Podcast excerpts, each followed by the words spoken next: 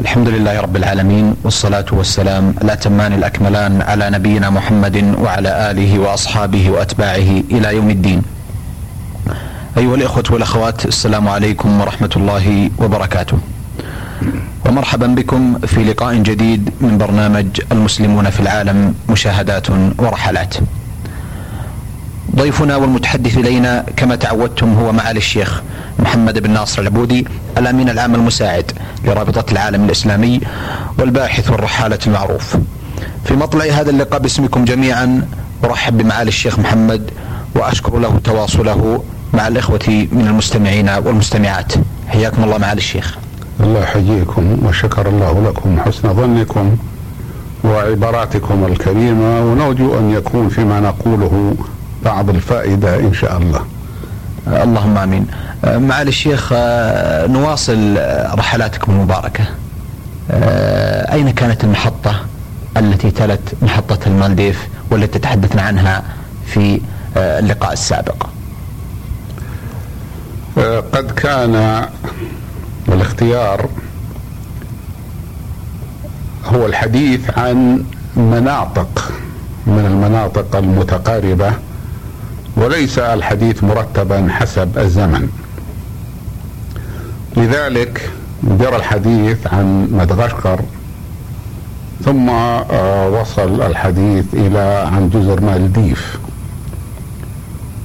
والحديث الاتي الآن بإذن الله هو عن بعض الجزر الموجودة قريبة من مدغشقر وقريبة من المالديف وهي موريشيوس وريونيون وسيشل وكلها واقع في شرق أفريقيا شرق القارة الأفريقية. وليس المراد بذلك أنه جزء من القارة وإنما واقع في البحر الذي هو واقع إلى الشرق من القارة. وكان أسلافنا القدماء الأماجد يسمونه بحر الزنج. ولكنه يعرف الآن بالمحيط الهندي. ربما آه، كان السبب في ذلك لكونه متصلا بالمحيط الهندي. ولكن اتصال البحر اتصال مياه البحر بعضها ببعض ليس سببا كافيا لأن يكون اسمها واحدا. لأننا نرى البحر الأبيض المتوسط متصلا بالمحيط الأطلسي ومع ذلك هو بحر له اسم خاص ومنفصل بنفسه من ناحية التسمية. ومعظم البحار في العالم متصل بعضها عن بعض ما عدا بحارا مغلقة قليلة مثل بحر قزوين ومثل بحيرة أرال ولذلك ينبغي لنا أن نستعمل المصطلحات التي استعملها أسلافنا العظام قبل أكثر من ألف سنة. فمثلا هذا البحر الواقع إلى الشرق من قارة إفريقيا اسماه أسلافنا المسلمون بحر الزنج. ولم يكونوا يقصدون من ذلك التعيير وإنما قصدوا من التعريف لأن بلاد الزنج هي البلاد الواقعة في الساحل الشرقي من القارة الإفريقية. نعود إلى الكلام على هذه الجزر أي إلى أن نبدأ الكلام بها فنقول وبالله التوفيق جزيرة موريشيوس تقع إلى الشرق من جزيرة مدغشقر. وجزيرة مدغشقر تسمى الآن ملقاش عند بعض الناس كما تقدم. وتبعد جزيرة موريشيوس عن مدغشقر ب 800 كيلو متر إلى الشرق من مدغشقر. كما تبعد عن ساحل القارة الإفريقية الشرقي بثلاثة آلاف وخمسمائة كيلو متر وتسميتها تسمية هولندية. فقد عرف أن أول من اكتشفها وعرفها من الأمم المتحضرة هم العرب. وسجل هذا في التاريخ المكتوب وقد رأيته مكتوبا موضحا بالرسوم وبالشواهد في متحف في الجزيرة. قالوا أول من جاء إلى هذه الجزيرة وعرفها هم العرب. وقد ذكروا أنهم سموها اسما غريبا جد, جد غريبا بالنسبة إلينا. فقالوا إن العرب أسموها دنيا عربي. ربما كان هنالك خطأ في الترجمة. إذ ما معنى دنيا عربي ولكن هذا الذي رأيته مكتوبا في المتحف. فالعرب عندما وصلوا إليها لم يكونوا يقصدون الذهاب إليها بالذات لأنهم لم يكونوا يعرفونها وإنما كانوا يجوبون المنطقة تجارا أغلبهم وربما يكون فيهم اناس صيادون للسمك مع أن صيد السمك في ذلك الوقت ليس محتملا لماذا؟ لأنه لا توجد وسائل لحفظ السمك إذا كان كثيرا وكان الصائدون بعيدين عن البلاد التي تشتري السمك أي عن أماكن الحضارة. هل عرف يا شيخ محمد تحديد معين لوقت آه، اكتشاف العرب لهذه الجزر؟ نعم قالوا إن العرب اكتشفوها في القرن الثامن أو السابع الميلادي. هذا ما علق بذهني الآن وأنا لا اكاد أتأكد منه ولكنه كان قديما. ونوهوا بأن العرب أيضا يعني طائفة أخرى من العرب اكتشفوها قبل وصول الأوروبيين. وأول من وصل من الأوروبيين إلى هناك هم البرتغاليون. إلى هذه الجزيرة. ووجدوا أن العرب قبل 200 سنة أي طائفة من العرب قد وصلوا إليها واستدلوا على ذلك بأشياء ولكن العرب لم يسكنوا فيها ولم يبقوا فيها لأنها جزيرة ضيقة ولم يكن فيها سكان أصلا. والغريب أنه لم يكن فيها حتى وحوش كاسرة. بدليل أنهم وجدوا فيها البرتغاليين العرب لا لم نرى لهم تسجيلات ولا البرتغاليين سجلوا أنهم وجدوا أشياء من الأشياء الغرائب. فيها طائر كبير ضخم يسمونه دودو. هكذا لقد تبادر إلى ذهني الرابط بين كلمة دودو لهذا الطائر الكبير وبين كلمة ديدي التي يسمي بها الأطفال عندنا الطيور عامة. فهل هما من أصل واحد أو لهما علاقة؟ الله أعلم. لم أستطع الوصول إلى آه، رأي حاسم في هذا الأمر. هذا الطائر قالوا إنه لا يطير. ولذلك كانت حياته معتمدة على عدم التحديات بمعنى أنه لا يوجد من يصيده ولا يوجد وحوش تأكله لذلك استمر. وبعد ولم ينقرض إلا بعد آه، فترة وقد آه، حفظ البرتغاليون نماذج قليلة منه وبعضها آه، نماذج من الرسوم يعني ليست محنطة. فقلنا إن العرب هم الذين وصلوا إليها ولكنهم هجروها وتركوها ولم يعودوا إليها إلا بعد أن وصلها البرتغاليون ثم بعد ذلك جاء إليها الهولنديون. والهولنديون كما نعرف هم ثاني أمة وصلت إلى المحيط الهادي المحيط الهندي من الأوروبيين. إلى الأقطار الجزر المحيط الهندي من الأوروبيين وقد عرف من ذلك مثلا جزيرة سيلان. التي كانت تسمى عند أسلافنا آه، العرب سرنديب وربما يأتي الحديث عنها في حلقة سابقة وبخاصة أنها لها بعض الميزات. من ذلك ما زعم من أن آدم عليه السلام نزل في على من الجنة على جبل في سرنديب. لا يزال هذا الجبل معروفا عند الناس ولا يزال بعض الناس من سائر الأديان أي من المسلمين الذين لا بصيرة لهم في الدين. وليس المقصود من ذلك أن آه، أن آه، أن نضللهم بهذا ولكن يذهبون اليه من باب الفرجة وكذلك غيرهم من الأديان من أهل الأديان مثل الهندوس والهندوس وكذلك التاميليون وكذلك البوذيون وكذلك المسيحيون يذهبون إليه ليروا كما يزعمون موقع قدم آدم عندما نزل من الجنة فوق جبل معروف. وكذلك في سيلان طائفة نشطة من المسلمين يحتاج الأمر آه، يحتاج الحديث عنها إلى حلقة كاملة. ويجب أن ينوه في ذلك لأن فيهم مزايا كثيرة من النشاط الإسلامي.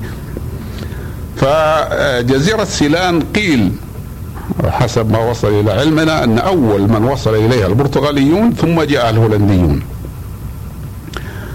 فالبرتغاليون تركوا موريشيوس أما الهولنديون فقد استوطنوها فترة وسموها موريشوس على اسم موريس شخص كان معهم ولا أعرف من أمره شيئا كثيرا ولكنه شخص موريس سموها موريشوس واستمر هذا الاسم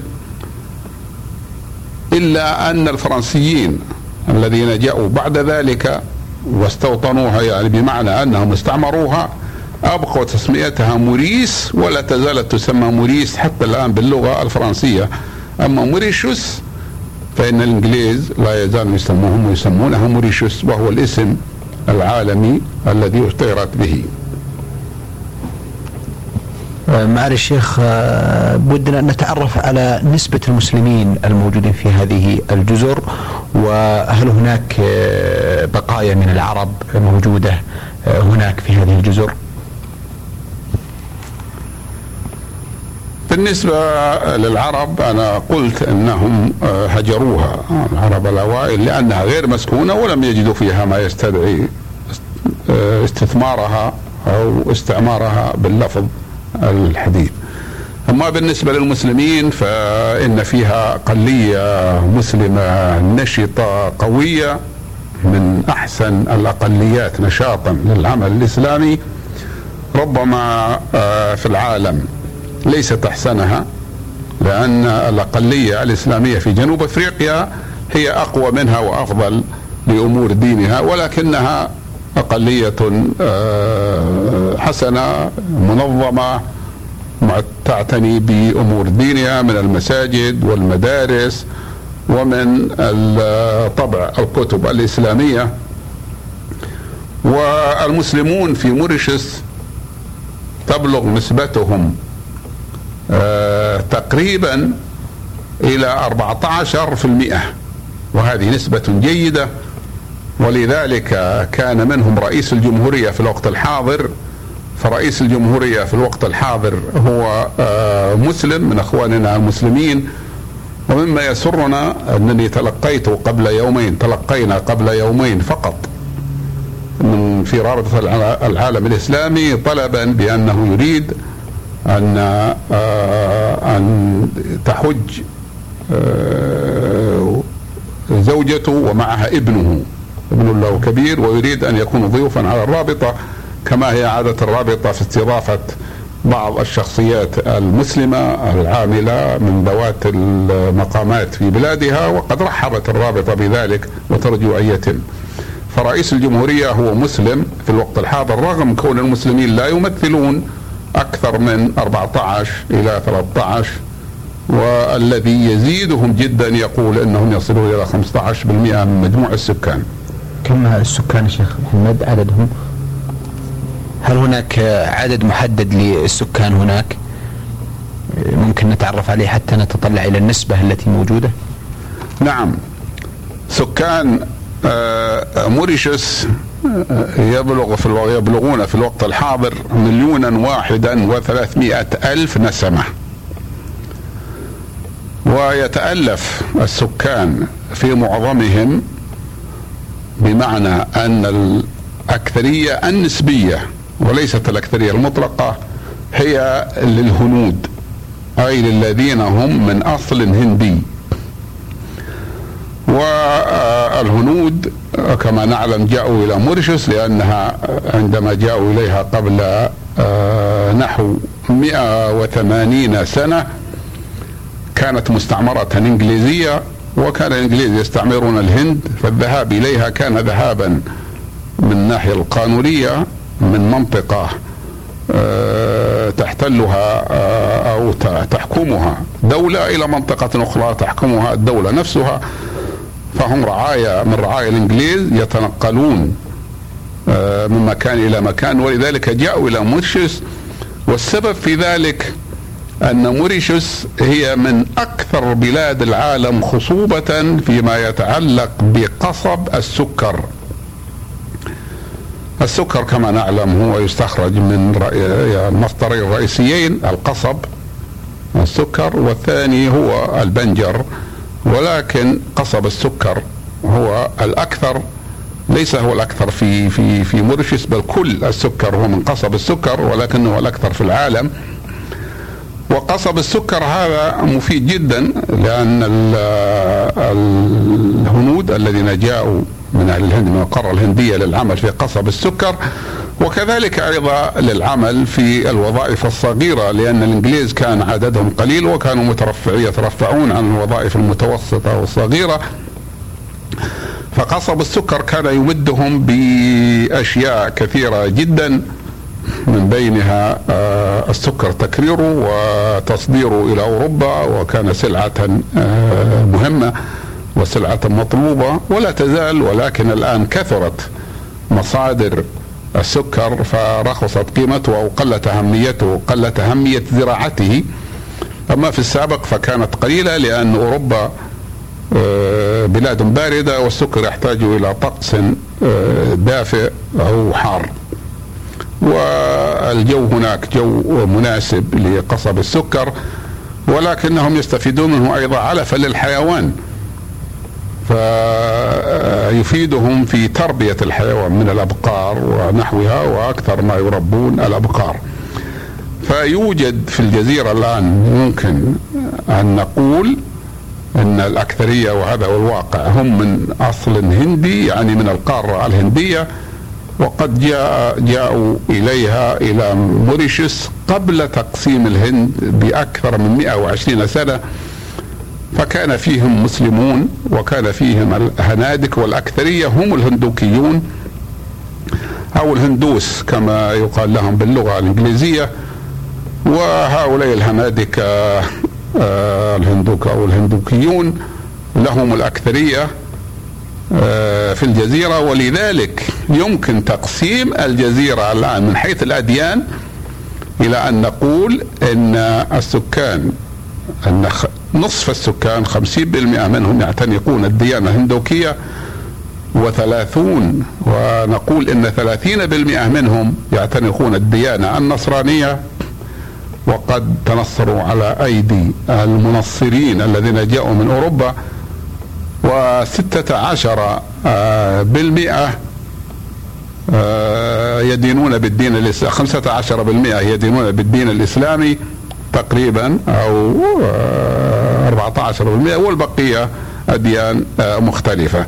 ولكن بالنسبة إلى العناصر السكان يعني وليس بالنظر إلى دينهم إلا مع عناصرهم أكبر العناصر هو العنصر الهندي. يليه عنصر يسمونه الكريول والكريول باللغة الفرنسية وباللغة الإنجليزية سواء معناها المختلطون أو المختلط. والكريول هؤلاء نشأوا عن اختلاط الأفارقة الذين أحضرهم الفرنسيون إلى الجزيرة من مستعمراتهم في أفريقيا القريبة وللعمل في الجزيرة فاختلطوا بأناس من أوائل الهنود مع أن الهنود قليل الاختلاط في مهاجرهم بالأجناس الأخرى واختلطوا بأناس من الفرنسيين عدد قليل فنشأ هذا الجنس المختلط وهذا الجنس شكله آه، غريب بالنسبة على أبصارنا. نحن الذين آلفنا رؤية الأجناس النقية المشهورة لدينا فتجد الكريول آه، آه، أشكالهم أي تقاسيم الوجوه عندهم هي قريبة إلى الشكل الهندي ولكن ألوانهم قريبة إلى الألوان الأفريقية السوداء. والعنصر الثالث هم القمريون. القمريون الذين جاءوا من جزر القمر ولكن عددهم قليل ولكن كانوا في أول العهد كثير. وكنا نعرف كلنا نعرف أن جزر القمر كانت مستعمرة فرنسية وكذلك موريشيوس كانت مستعمرة فرنسية. ولكن اختصم الإنجليز والفرنسيون وتقاتلوا أو كادوا يتقاتلون على موريشيوس وريونيون القريبة منها التي قد يأتي الحديث عنها فيما بعد إن شاء الله. وذلك لكون جزيرة آه، موريشيوس هي أخصب من جزيرة ريونيون من جهة الزراعة آه، قصب السكر وإن كانت ريونيون أكبر منها. وقد اجتمعوا في جزيرة ريونيون وهي التي اكتسبت هذه التسمية بسبب هذا الاجتماع. فاجتمعوا واصطلحوا على أن تكون جزيرة موريشيوس للإنجليز وتكون جزيرة ريونيون للفرنسيين ولكن الفرنسيين عندما رحلوا عن موريشيوس بقيت لغتهم لأن اللغة الفرنسية هي أقوى من اللغة الإنجليزية في حالة الاحتكاك. جربنا هذا في بلدان كثيرة أنه إذا احتكت اللغة الفرنسية واللغة الإنجليزية فإن اللغة الفرنسية تكون أبقى وأقوى على البقاء من اللغة الإنجليزية. ولذلك لا يزال في موريشيوس الآن لا تزال اللغة الفرنسية معروفة وقوية وكذلك اللغة الإنجليزية واللغة الثالثة التي هي لغة الكريول الذين قلنا إنهم أناس مختلطون. ولغة الكريول أيضا مختلطة. لماذا؟ لأنها مجموعة من اللهجات الأفريقية مع لغة فرنسية عامية فأصبحت هي اللغة المستعملة عند الكريول يعني موجودة ومعترف بها. أحسنتم معالي الشيخ. أشرتم معالي الشيخ في بداية الحديث إلى أن هذه الجزر أو هذه الجزيرة بالذات لها على الرغم من أن من هو موجود من المسلمين فيها هم أقلية إلا أن لهم نشاطا متميزا عن بقية الأقليات. أبرز أوجه هذا النشاط الذي هو موجود في هذه الجزر وصفة وهيئة هذا النشاط الموجود المراكز الإسلامية المساجد أيضا إضافة إلى تعليق من معاليكم على تعاون الرابطة مع هذه الجمعيات النشطة والأقلية الموجودة هناك. نعم الأمر كما آه، كرمتم وذكرتموه أن لهم نشاطا آه، متميزا وأنا ذكر ذلك عن خبرة لأنني ذهبت إليهم أكثر من مرة ونحن حتى بعد الرجوع آه، منهم لنا اتصال دائم بحكم عملنا في رابطة العالم الإسلامي. فهؤلاء منذ أن حلوا هناك المسلمون أسسوا المرافق الإسلامية ومن أهمها المساجد وأكبر آه، مسجد ويقال إنه أقدم مسجد هو المسجد المركزي والمسجد يسمونه الآن المسجد المركزي والمسجد المركزي موجود في العاصمة وعاصمتها الآن تسمى بورت لويس وأيمينا لويس وهو لويس الثاني عشر سماها الفرنسيون على ذلك. الذي هو آه، ملك فرنسا كما هو آه، معروف. ففي العاصمة وحدها خمسة عشر مسجدا. ومن آه، ما يسر أن المسجد المركزي هذا بني هو كبير ومبني بناء قويا حتى إن له ست عشرة منارة صغيرة. وفيه مرافق كثيرة ومن مظاهر نشاطهم الذي رأيته وعجبت له وكنت قلت أخذت وأقول لبعض المسلمين في بلاد الأقليات المسلمة أن يحتذوا حذوهم أنني وجدت لافتة مكتوب علي مكتوبا عليها نكاح. فقلت في نفسي ما للنكاح وللمسجد بهذا؟ نحن لسنا في درس من دروس الفقه. وهذه مكتوبة على سبورة. لماذا كتبتم هذا؟ قالوا نحن اعتدنا على أن نعلن جميع ما يتعلق بأمور المسلمين. كل مسلم تزوج مسلمة نعلن عنه في هذا المسجد الجامع. وهم يقصدون بذلك المسلمين في بلدتهم لأن فيها أعدادا طيبة من المسلمين وفيها كما قلت خمسة عشر مسجدا. قالوا فلا بد أن نقول إن فلان الفلاني من المسلمين تزوج بفلانة الفلانية من المسلمين. كذلك إذا توفي أحد معروف من المسلمين أشرنا كتبنا في المسجد حتى يراها المسلمون في صلاة الجمعة وغيرها وهذا مسجد كبير. وهذا جيد وطيب لأن آه، المسلمين يتعرف بعضهم على بعض إضافة إلى كونهم من المحافظين على آه، آه، أمور دينهم. وجميع البلاد جميع المدن الموجودة في الجزيرة والجزيرة ليست كبيرة ولذلك يصح أن تسمى مدنها محلات ولكن يسمونها مدنا على اعتبار أنهم لم يجربوا أو لم يعرفوا الأراضي الواسعة. فممكن يكون بين المدينة والأخرى 20 كيلو أو 30 كيلو مترا. ففي كل مدينة عدد من المساجد حتى أنه بلغ عدد المساجد في الجزيرة كلها في موريشيوس 112 مسجدا. وقد اتخذ المسلمون هذه الجزيرة موطنا لهم لأن معظمهم لا يعني ليست لهم صلة بالهند فأكثرهم آباؤهم ولدوا في الجزيرة ولا يعرفون حتى سألت بعضهم أن ذكروا لي أنهم لا يعرفون حتى الولايات التي جاء منها أهاليهم إلى هذه الجزيرة. هي جاءوا من الهند إلى هذه الجزيرة. و عندهم في كل جزيرة كما قلت مسجد وعندهم مراكز إسلامية كثيرة ومن أهم ما رأيت فيها ليس مع ذلك أنها أكثر أهمية من المسجد ولكنها مهمة بعد المسجد. دار أسموها دار الرعاية الاجتماعية. قالوا إن هذه قام على أمرها وتسبب في بنائها رجل واحد وهو ليس ثريا ولكنه جمع حوله عددا من الإخوة المسلمين وأقنعهم بفكرته فقاموا بحملة لجمع التبرعات وأسسوا دار الرعاية الاجتماعية الإسلامية. بعضهم يسميها دار الرعاية الاجتماعية للمسلمين. سألت هذا الرجل واجتمعت به لأنه يستحق أن يسأل عنه ويسلم عليه لعمله الجيد.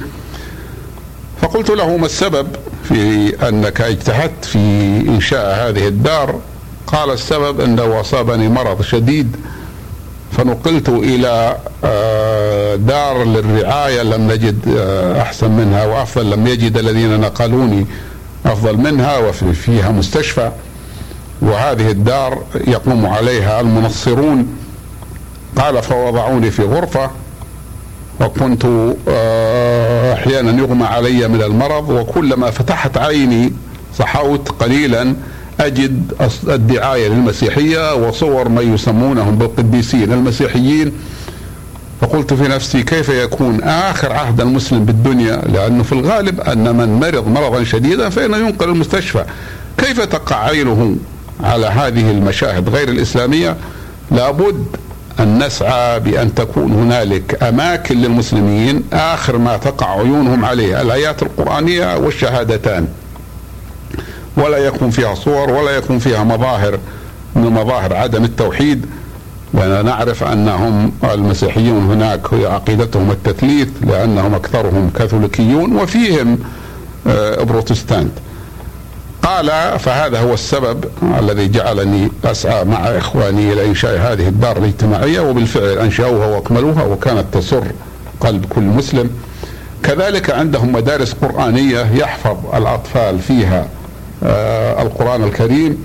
وعندهم أيضا اعتناء عظيم ومهم وربما يكون نادر بالمرأة فهنالك مدارس للفتيات المسلمات وحتى للمسلمات الكبيرات ويدرسن ومنفصلات عن الرجال وحدهن وليس المقصود من ذلك أنهن في مدرسة يشرف عليها الرجال وإنما تكون مدارس يشرف عليها النساء وهم إخواننا أهل الهند يتشددون في موضوع النساء بمعنى أنهم يسدون الذرائع إلى الفتنة بأن تكون النساء في الصلاة حتى في الصلاة بعيدات عن آه، الرجال. هذا هو ما اعتادوا عليه. وكذلك يوجد عندهم مطبوعات إسلامية وبعضها يطبع في موريشيوس ويرسل إلى البلاد الأخرى الناطقة آه، بالفرنسية وذلك من شدة محافظتهم على دينهم الإسلامي الحنيف. رأينا مثلا في الجامع المركزي آه، شجرة كبيرة قالوا إنها ورثت في فناء الجامع عند بنائه بعد بنائه وأنها الآن يعرفون تاريخها بأنه مضى عليها 130 سنة. ووجدنا فيه ساعة كتب عليها تاريخ إحدائها المسجد وقد مضت على ذلك 140 سنة. فيدل على أن آه، عنايتهم القديم بالمساجد ثم وجدت شيئا لطيفا في مسجد الجمعة وهو أنهم جعلوا برجا صغيرا يعلقون عليه سراج قبل انتشار الكهرباء فإذا آه، غربت الشمس في رمضان رفعوه مضاء. فالمسلمون في أنحاء المدينة العاصمة لمدينة بورت لويس آه، إذا رأوه آه، هذا السراج مضاء عرفوا أن وقت الإفطار قد حل فيفطرون. وهذا مفيد جدا للإعلان في ذلك الوقت حيث لا توجد إذاعات تذيع الإسلام ولا توجد مدافع توصل إلى ذلك عندهم. آه، المسجد الثاني في آه، هناك هو مسجد يسمى مسجد آه، الجمعة. وهو كبير جدا بالنسبة إلى الأقلية المسلمة لأنه يوجد كما قلت في العاصمة 15 مسجد والعاصمة هذه سكانها فيما أعرف لا يزيدون على ستين ألفا. جميع السكان من مسلمين وغير مسلمين ولكن المسلمون حريصون وأكثرهم يؤدون الصلوات في المساجد الصلوات اليومية وليس المقصود من ذلك صلاة الجمعة. هنالك أشياء لطيفة عندهم. مثلا أنا رأيت فندق مكتوب عليه فندق بسم الله. اسمه فندق بسم الله. بسم الله هوتيل. ليس هذا هو اللطيف وحده إن كان شيء لطيفا ولكن الألطف منه أنه لا يسمح بدخول أي شيء محرم إليه. حتى غير المسلمين الذين يسكنون فيه لا يجوز لهم أن يدخلوا شيئا محرما في الإسلام في هذا الفندق. فلا يجوز لهم أن يدخلوا خمرا ولو لم يشربوها فيه. ولا يجوز لهم أن يدخلوا لحما حراما ولو لم يأكلوه فيه. وذلك حرص من أهل الفندق على آه، آه، على آه، أن يبقى هذا الفندق مطابقا لاسمه وطبقا لما قصده مؤسسوه كذلك وجدت فندقا آخر اسمه شأن الإسلام. ولا أدري المقصود من كلمة شأن الإسلام هنا ولكنهم عملوا هذا من أجل إظهار تمسكهم بالدين الإسلامي. يقال إن أول مسجد أسس في موريشيس أسموه المسجد الأقصى وقد اسسوه في عام 1805 هذا تاريخ مبكر كما قلنا. ثم بعد ذلك غير اسمه آه، كما قلنا إلى المسجد المركزي. هنالك مدارس إسلامية كثيرة وهنالك مؤسسات للشباب والرياضة آه، إلى جانب المساجد الأخرى وهم مجتهدون ونحن آه، نتعاون معهم. آه، هذا إجابة على السؤال الذي طرحتموه وهو مدى تعاون رابطة العالم الإسلامي معهم. فرابطة العالم الإسلامي أنشأت في مكتبا لها. لا يزال هذا المكتب يعمل منذ نحو ربع قرن. ولها علاقات جيدة مع المسلمين هناك. ونرسل إليهم المصاحف. وكذلك نوصل إليهم الكتب الإسلامية.